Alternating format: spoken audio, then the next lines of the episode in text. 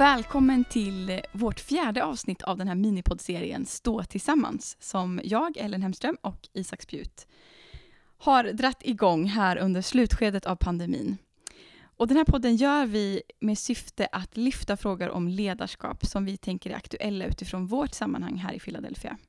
Och det här avsnittet kommer skilja sig lite från de tidigare tre, för vi har nämligen en gäst. Ja, så gött. Det är en högtid för oss att Ja. vi idag ska få ha med oss Fredrik Venell, eh, som är doktor i systematisk teologi, lärare på Akademi för ledarskap och teologi, Min gamla ungdomspastor. din gamla underpastor, min gamla handledare, mentor. En eh, fantastisk människa som vi båda ser upp till och eh, inspireras av. Så vi tänkte att när vi nu ska prata det här sista avsnittet så skulle vi vilja ha med oss Fredrik. Eh, han har ju ägnat mycket tid åt att fördjupa sig i frikyrkans utveckling och framväxt i Sverige. Och vi tänkte att det var viktiga, eh, ja, men att han har viktiga perspektiv som vi skulle vilja fånga upp när vi pratar om ledarskap. Jag har sett fram emot det här avsnittet lite speciellt. Eh, dels för att vi inte behöver vara experter, men också för att det kommer det här historiska perspektivet idag. Lite så här, vad har vi med oss i vår ryggsäck? Ibland medvetet och ibland omedvetet. Men jag tänker att det ska bli kul att få lyssna på Fredrik och se om han har något inspel och kan hjälpa oss att nysta i vad, varför vi beter oss som vi gör, var det kommer ifrån och vad vi kan göra åt det. Förhoppningsvis förstår vi oss själva lite bättre efter att Fredrik varit här. Du älskar ju historia Isak, Ja, så du har fått äran att hålla intervjun. Ja. Så varsågod att ta del av vårt samtal med Fredrik.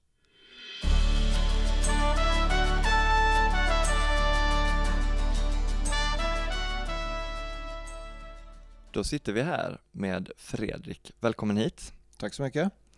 Eh, Du är ju vår expert här. Ja, och du, här- du är ju faktiskt expert på det här, så det är härligt.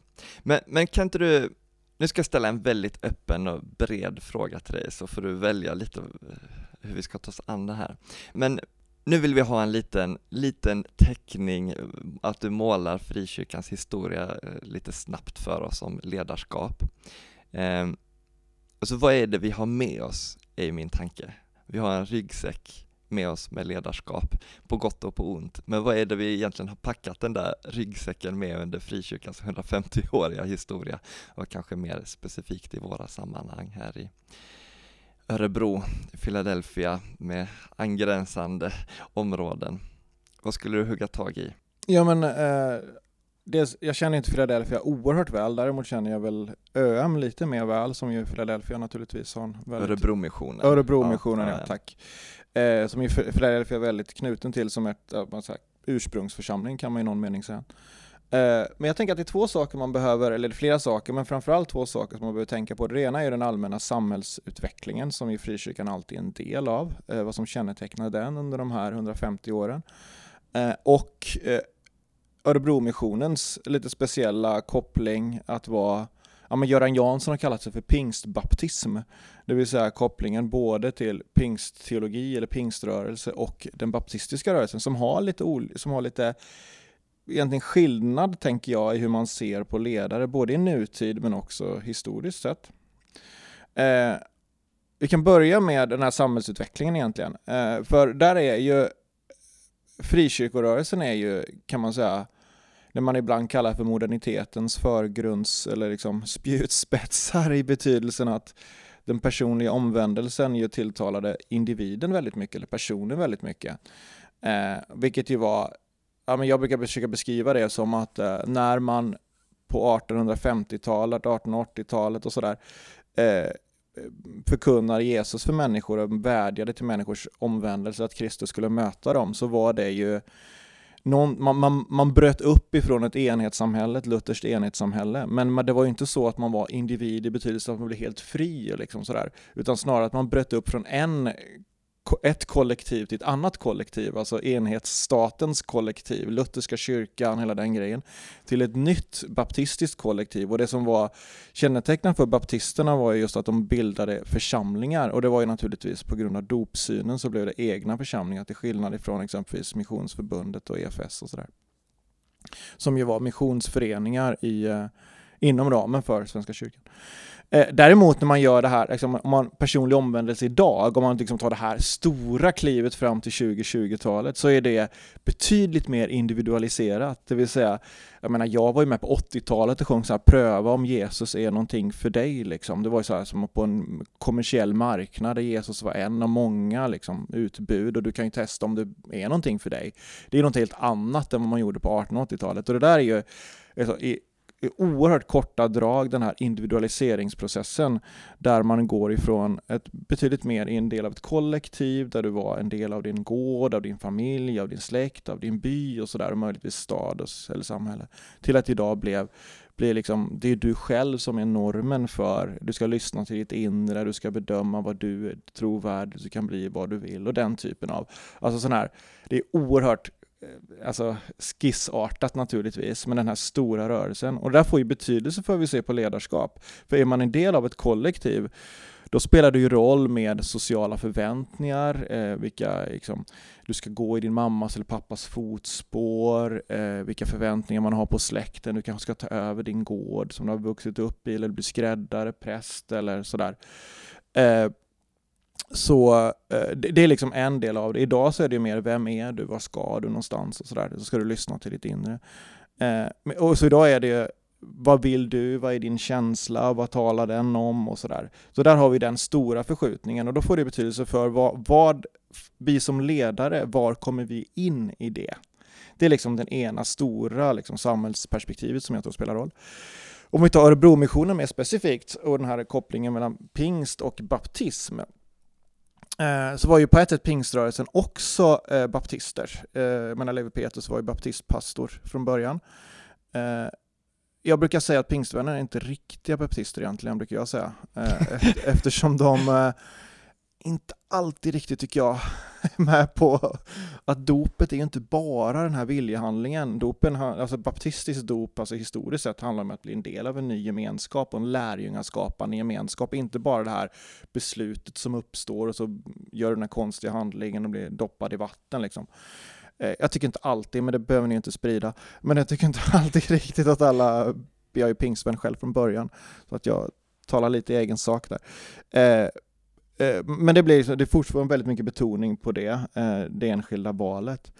Eh, men det, skillnaden i ledarskap där också handlar ju om att för pingstvänner, och det tycker jag vi ser delvis idag också, att för pingstvänner så är pastorn betydelsefull, han är en auktoritet.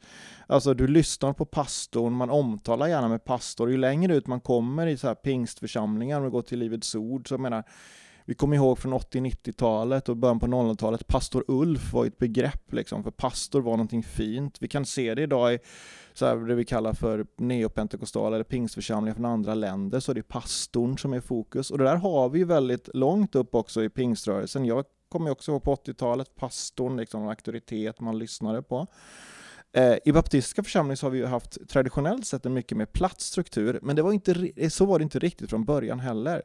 För eh, alltså, alltså vi, vi, hade en platt struktur i betydelsen att vi lyssnade på varandra. Det har ju Mats Larsson skrivit om i sin avhandling och sin licentiatavhandling. Mats Larsson som är lärare på Götabro. Där han undersökte Askers baptistförsamlingar på Närkeslätten och deras sätt att resonera om teologiska frågor.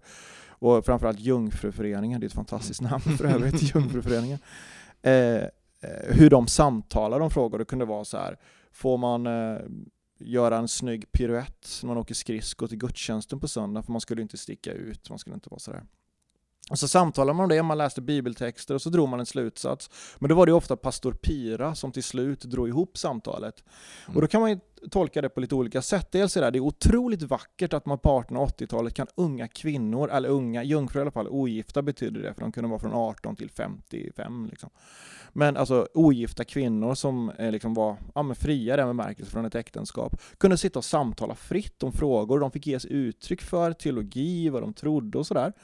Eh, liksom, och det var ju på ett sätt en demokratisk process långt innan demokratin fanns i Sverige. Men sen var det då någon som var, antingen kan man tänka att kommer pastor Pira in och säger så här ska vi tolka det. Och så var det säkert, för pastor Pira enligt Mats Larsson var en ganska stark personlighet. Eh, men, men det kan man också förstå det så att nej, men han faktiskt lyssnade in och faciliterade eller liksom, han liksom försökte tolka vad var det nu vi hade sagt. Liksom. Så kan man ju också förstå det. Men vi kommer därifrån den här dubbelheten. Och jag skulle säga att den här följer med eh, upp genom historien. Så vi har haft den här dubbelheten lite grann. Jag har varit pastor i tio år i IFK-församlingar. Eh, och jag har nog inte upplevt alltid att man har haft den här auktoriteten. Och jag har själv kommit ifrån en ganska, ganska idealistisk syn på ledarskap skulle jag säga. Det jag fick med mig, för när jag pluggade på Missionsskolan på 90-talet, att det skulle vara ganska platt, det skulle vara, jag skulle vara ganska osynlig, jag skulle inte kliva fram, jag skulle nästan utplåna mig själv och liksom, jag skulle bara spegla Jesus. Och det jag upptäckte, och där har ni den här baptistiska, liksom, långdragen baptism, tänker jag. Radikalbaptism. Radikalbaptism, som jag också haft lite dragning åt, och har lite dragning åt i och för sig då. Eh, men, ja men en radikalbaptism sådär. Vilket är ett, lite idealistiskt, lite naivt tycker jag eh, faktiskt här i efterhand. För det jag upptäckte efter ett par år, jag var ungdomspastor i tio år, framförallt, eh, det var ju att efter ett par år i min tjänst i Hylleparkkyrkan i Malmö var det, så upptäckte jag ju att ah, men de här 50 ungdomarna, vad det var på den tiden, eh, de efterfrågar ju vad jag tänker, vad jag tycker. De här var, ett av de största gruppen då hade var kanske 17, 18 år, eller sådär, 16, 17, 18 år. Eh, och de efterfrågar ju vad jag, för jag var ändå 30, vad var jag, 30, 31, 32 småbarnsförälder på den tiden. Eh, det är klart att de de, de ville ju ha reda på vad jag tyckte. Medan jag alltid var så här, äh, vad tänker ni? Så här, och så undervisade jag lite från Bibeln och sådär. Och då klev man ju fram, men sen efteråt, ja ah, men tänker ni? När jag liksom, sen kunde jag få så här raka frågor, ska jag göra slut med min flickvän? Wow, ska jag svara på det? och så fattar jag ju sen, ja ah, men de vill ju faktiskt ha reda på hur jag resonerar. De tänker, du är gift, du har gått igenom lite relationer, jag vill veta, hur sätter du det här i relation till tron? Och den där brottningskampen har vi befunnit oss i, och där tänker jag få betydelse för ledarskapet. Var det begripligt? Mm, äh, alltså när jag tänker lite utifrån eh, Fillas historia, det vi har pratat om, så, så eh, det är intressant den här berättelsen du berättar, för jag känner igen en del av den här dubbelheten i, i vår historia, liksom, i vårt arv. Att å ena sidan så hänger våra föreståndare i porträtt, det har vi pratat om tror jag, De, eh, eh porträttraden hänger här uppe i expeditionskorridoren. Jag har aldrig hamnat i en sån porträttrad, Nej. jag fattar inte. Ellen kommer hamna där, aldrig jag. men, in, men inte du Isak. Nej men, eh, pratar man om Philadelphia kyrkans historia så pratar man ju om John Ångman liksom. Mm. Det är nästan, nästan entydigt för vissa personer. Mm. Väldigt tydligt starkt ledarskap. Samtidigt som det baptistiska arvet hänger kvar så starkt att officiellt så heter vår församling Baptistförsamlingen Philadelphia. Mm. För att det ska vara väldigt tydligt att vi inte är en pingstförsamling, vi är en baptistförsamling. Um, det finns en väldig dubbelhet.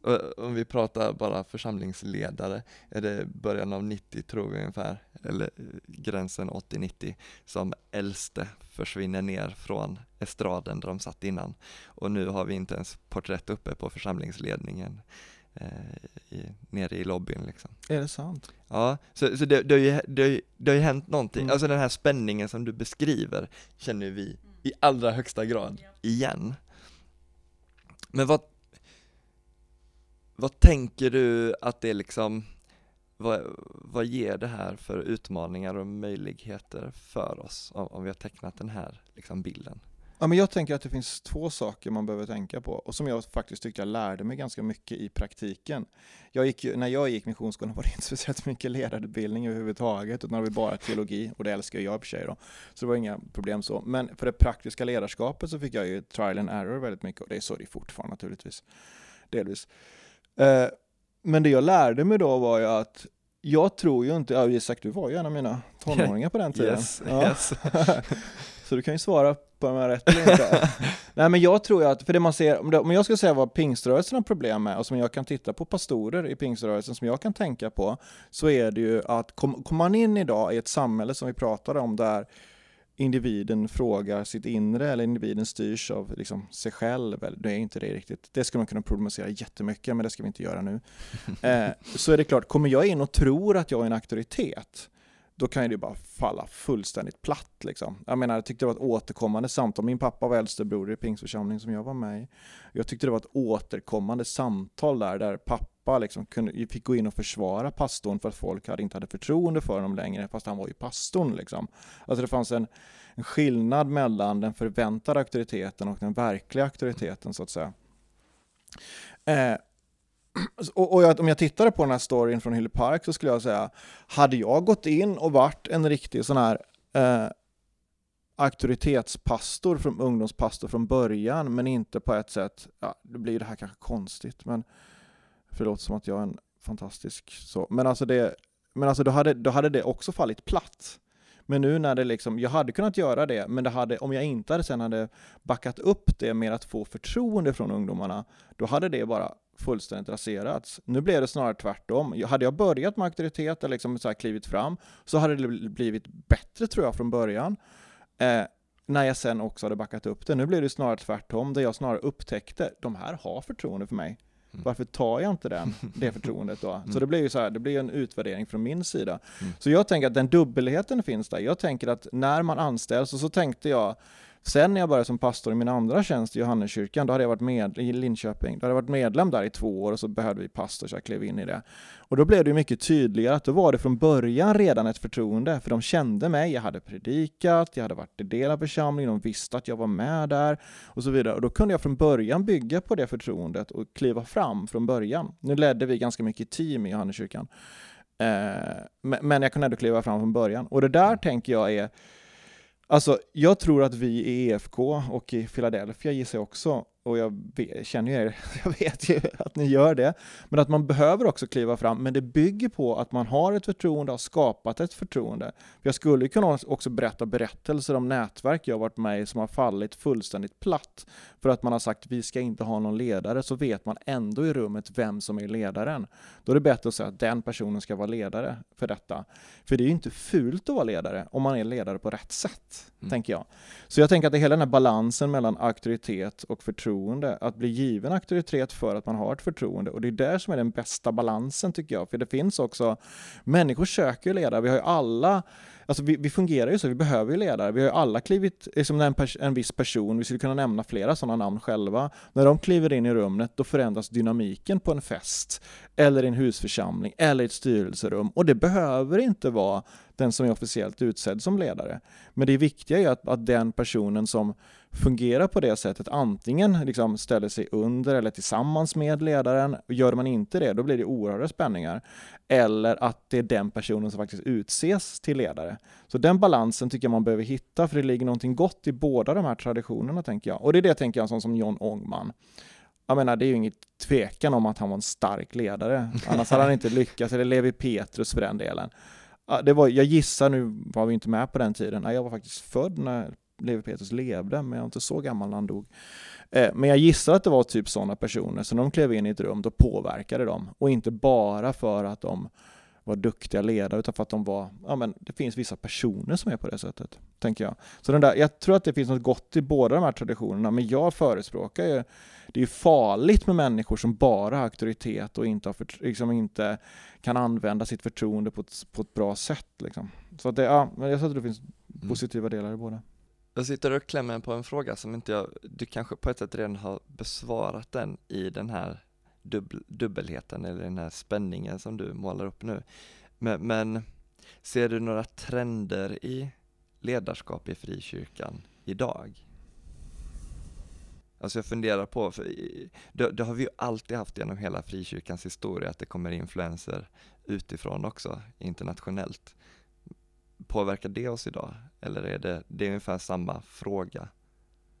Ja, delvis samma fråga skulle jag säga, men den trenden vi ser idag är ju, tänker jag, entreprenören. Gör det inte det? Alltså den här ministry-tanken. Nu tycker jag att den faller ofta väldigt platt i Sverige. Det är ju många som har försökt starta sina egna små ministries. Vissa har lyckats delvis. Livets Ord kanske är ett sånt från början egentligen.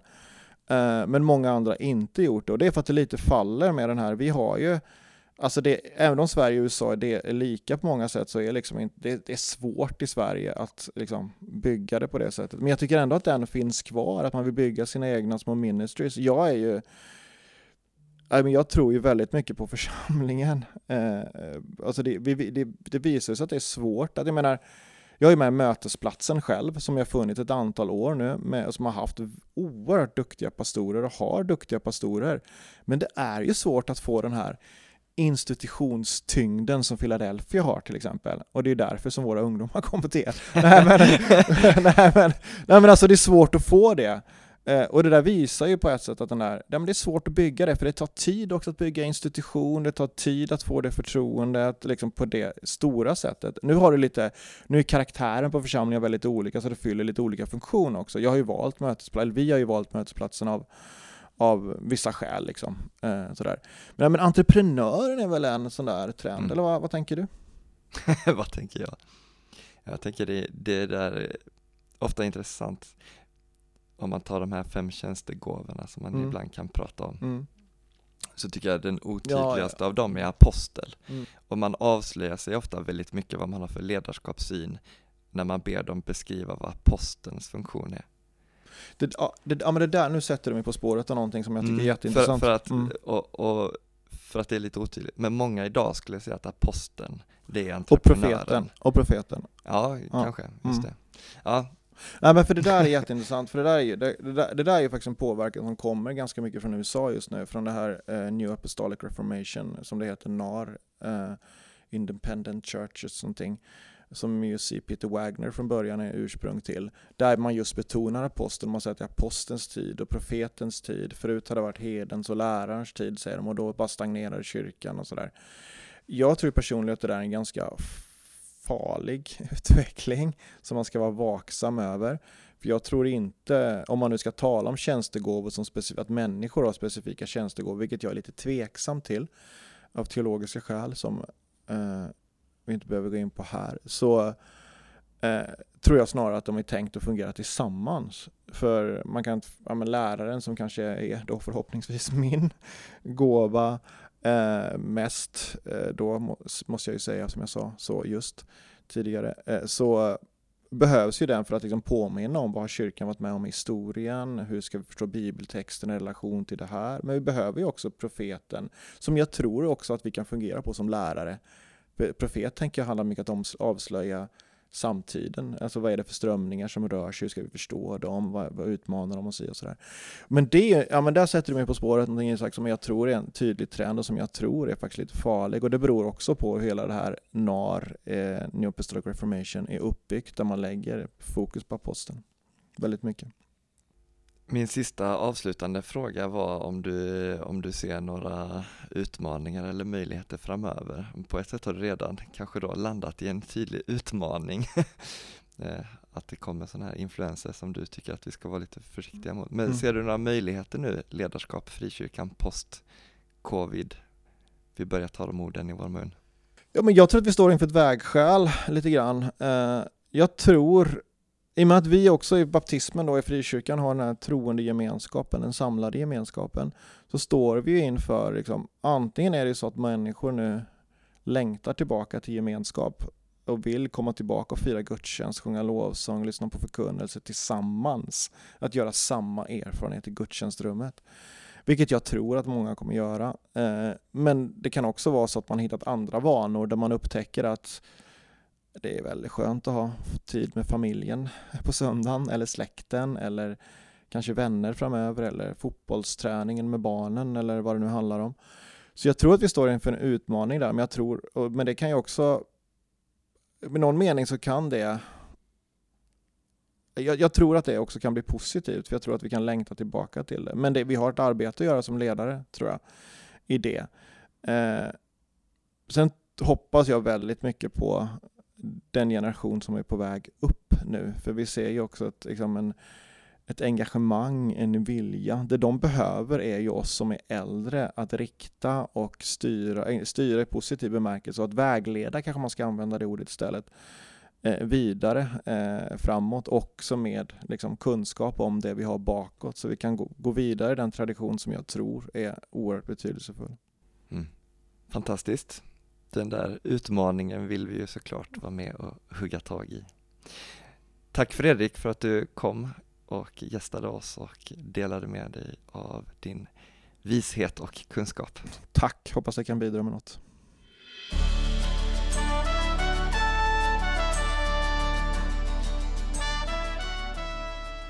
Kul att ha Fredrik här. Mm. Jättespännande. Det här var ju verkligen eh, eh, många perspektiv som vi fick när Fredrik delade hans reflektioner. Eh, och jag tänker så här nu, vi ägnar några minuter också, du och jag Isak, att bara fånga upp vad tar vi med oss från det här som han delade. Det var ju ganska mycket, vi fick många perspektiv och vi fick eh, också en, en, under en lång tid så, alltså tidsperspektivet, det historiska perspektivet. 150 år Ja. eh, drog han av. Mycket har hunnit hända under de åren. Men, men kan vi inte bara fånga upp lite vad vi tar med oss? Har du något sådär spontant Ja, men- som du känner? Ja, två saker. Men det, det första, lite kort bara. Jag vet inte om alla lyssnare hängde med på frikyrkohistorien. Det gick snabbt. Eh, det, Örebromissionen nämndes och EFK, pingst och baptist och mission. Många olika benämningar. Alla samfunden eh, ha- hanns med. Men bara utifrån vårt perspektiv, Philadelphia-kyrkan, så kan man ju säga att det var ju moderförsamlingen i det som då hette Örebromissionen och som var en av tre samfund som sen bildade det som idag heter Evangeliska Frikyrkan, EFK, där vi som församling är medlemmar idag. Ja. Eh, bara om man inte hängde med på den övergången tänkte jag. Det är bra. Eh, annars så, tänk, alltså det jag fastnar mycket för var det här han ändå pratar om, auktoritet och förtroende. Ett annat ord man kanske kunde blanda in i den mixen också är mandat. Mm. Eh, det slänger vi oss ibland med i Filla, eller jag Mm. hörde, hörde nämnas på olika jag, När jag växte upp så, så hade jag så här extra knäck på en second hand-butik och, och eh, då fanns det en volontärarbetare där som egentligen var chef på Ericsson, hade 200 IT-tekniker under sig. Men två heldagar i veckan eh, volontärarbetade hon på second hand-butiken. Hon pratade mycket med mig om ledarskap när jag gick och städade bredvid henne när hon stod i kassan. Mm. eh, hon sa alltid så här, men det är ledarskapets paradox, att mandat kan bara ges, men ansvar kan bara tas. Mm. Men båda behövs för ledarskap. Mm. Det där har jag burit med mig väldigt bra. mycket Mm. och jag liksom kände, den, den kom, kom upp till ytan och Ja, ekade för det. mig som en välbekant röst när jag hörde Fredrik beskriva sin erfarenhet där från Hyljeparkskyrkan också. Mm. Och just hur han trycker på att förtroendet är det som behöver komma först. Eller det är liksom redskapet vi leder med. Jag uppfattar det så i alla fall. Mm. Att det, när han sen kom till Johanneskyrkan, att då fanns det redan ett förtroende för honom. Mm. Och då var det naturligt att också auktoriteten, han fick den Mm. i liksom för att det fanns ett förtroende. Snarare när liksom auktoriteten tilldelas, eh, men det finns inget förtroende. Mm. Och där, där i, i en församlingsgemenskap så tänker jag att vi, vi har förtroende för varandra på många olika sätt, men även om man kanske inte står i ledarskap, utan för att vi känner varandra. Och, och det, det tänker jag är en styrka också när man väl kliver in som ledare, att men, jag vet ju vem hon eller han är. Vi har varit med i samma husgrupp, eller vi har ju bett tillsammans, eller vi har ju varit ute på församlingshelg tillsammans. Att det kanske finns ett, ett förtroende som den här då, när man väl kliver in som ledare, som man kan leda utifrån. Det tänker jag är en fördel. Jag, jag vet inte om det är sådär att alltså när man leder med hela sitt liv och hela sin person som man ju gör i kyrkan så eh, och när folk känner den så, så, så vet de ju också en svaga sidor. Mm. Och att, att man kan lätt få för sig också att det, att det hindrar förtroende från att uppstå. Men jag tänker att det snarare är tvärtom. När, när man ser en person som man inte känner, om man bara ser den, de, de bra sidorna, den perfekta fasaden, så fattar man också att det bara är en perfekt fasad. Mm. Eh, och, och, men när man får se en människa liksom, på gott och ont, med fel och brister också, så känner jag större förtroende för en sån person. Det blir också mycket tydligare vad det verkligen är som är nedlagda gåvor från Gud. Eh, det, anledningen att jag säger det bara, men jag skulle skicka med det som en uppmuntran i det här också, att man inte tar det som en, en som en nedslående känsla av så här, oj, har jag fått förtroende att leda? Mm. Nej, men det kanske inte, har jag fått mandat? Kan jag? Så här, att man backar för det, Mm. utan snarare tvärtom, att när vi frågar någon så gör vi det utifrån att vi har sett någonting, identifierat någonting, känner en person Ja. och att då är också förtroendet större. Mm. Något som jag också eh, bär med mig, det är det han nämner på slutet där om nästa generation. Alltså vikten av att fånga upp dem och att det finns nu en, en generation liksom, av unga människor som är brinnande passionerade, liksom, har en stor längtan efter att få se Guds rike utbreda sig och få göra det genom församlingens liv och, och liksom, verksamhet. Och det tänker jag är en jättespännande utmaning för oss som församling. Hur fångar vi upp nästa generation? Hur kan vi ge utrymme för dem att leda och få vara med och påverka församlingens inriktning? För det är det också ledare gör. Man mm. påverkar, man är med och, och, och liksom leder församlingen in i, i nästa steg eller nästa fas. Och där tänker jag våran liksom form av att alla röster är lika mycket värda i ett församlingsmöte. Vi har ju pratat lite om det innan idag också Isak, att, att eh, när vi väl sitter där på ett församlingsmöte och ska ta ett beslut så är den medlem som gick med bara för några dagar sedan lika mycket välkommen att lägga sin röst som den som har varit med här sedan, sedan eh, 50-talet. Precis, eh. när vi räknar ihop rösterna så var båda värda ett. Precis. Men... Eh, ja, men det är ju inte mm. precis, rösten är värd lika mycket, sen kanske när man säger någonting, den rösten kanske väger olika tyng tungt beroende på vad man har med sig. Men jag tänker att det är det där med att vi, vi har en församlingsstruktur som bygger på att vi tror att alla människor har samma möjlighet att faktiskt lyssna in Guds röst, Guds tilltal. Att vi bäst förstår Guds röst när vi lyssnar tillsammans.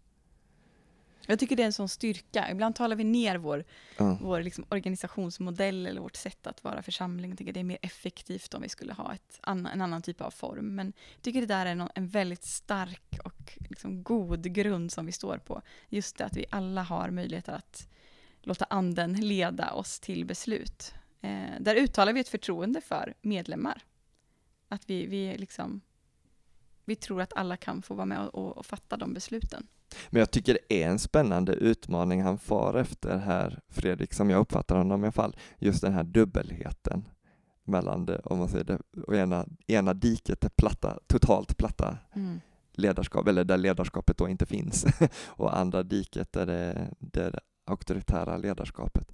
Vi har ju, vi, vi försöker balansera någonstans där i mitten, att alla ska få vara med och bestämma, men samtidigt tror vi ju faktiskt att ledarskap behövs att det behöver, Fredrik var inne på det, människor som går in och, mm. och, och vågar leda ibland. Men jag tänker, när jag hörde honom prata om den här unga generationen eh, och också utifrån det han pratade om att, att alla de där tjänstegåvorna behövs tillsammans. Eh, då fick jag en lite, så att jag kopplar ihop dem och tänker också att ledarskap, vi behöver ledarskap från alla generationer i församlingen och gärna tillsammans. Gärna tillsammans. Nej, men jag, jag ser Gammal ju, och ung. Nej, men, och jag, jag, tror bland en äldre generation, äldre, nu pratar jag väldigt vitt, vitt och brett här, det är kanske ingen som vill inkludera sig i den begreppet äldre, men jag jobbar med ungdomar så jag inkluderar mig själv i begreppet äldre. alla, alla vuxna. Ja. Nej, men, men bland äldre så kanske det snarare är det här att man har dåligt självförtroende för att kliva fram. Och speciellt om man tänker på yngre. Så här, nej, men inte bryr de väl sig om mig? Eller så här, vad, vad har jag att komma med? Och så ser jag, om jag tittar på mina ungdomar, så ser jag ju att de de har störst förtroende för i församlingen, det är ju pensionärerna. Mm. Eh, mer förtroende än för mig, anar jag. För att de kan se vad deras tro har burit för frukt genom livet. Mm. Att det har burit hela vägen. Det blir trovärdigt. Det blir trovärdigt uh -huh. och det är det som är det, de tycker det är det mest attraktiva de kan tänka sig. Mm. Alltså att ana en tro som bär genom hela livet. Mm. Eh, samtidigt som det finns ju bland de unga vuxna, alltså det finns en ungdomlig entusiasm ibland, ett ungdomligt go. Jag tänker man, man vill ha det där i en härlig mix. En härlig liksom. mix ja. Ja. Och, och allt däremellan. Allt däremellan. Och det är fantastiskt att vi har en generationsförsamling, månggenerationsförsamling, ja. där det också är möjligt att unga och gamla fattar hand med varandra och står tillsammans. Nu har vi haft fyra avsnitt i den här podden, Stå tillsammans. Och jag vill bara återknyta till den här bilden som vi delade i första avsnittet. Bilden av att vi är fler som reser oss upp samtidigt, som gör den där fysiska rörelsen, att ställer oss upp. Eh, vi tror att det är någonting som blir viktigt för församlingen framöver. Att vi blir fler som vågar kliva in i ledarskap och säga att jag är villig att med mina gåvor och med mitt liv och med allt det jag har med mig stå i ledarskap och få vara med och ta och leda församlingen in i Guds framtid för oss. Hoppas att du har haft behållning av de här avsnitten och att det också det där bultande hjärtat kanske har fått bulta lite mer och att du vågar ta det där steget. Vi önskar dig Guds välsignelse.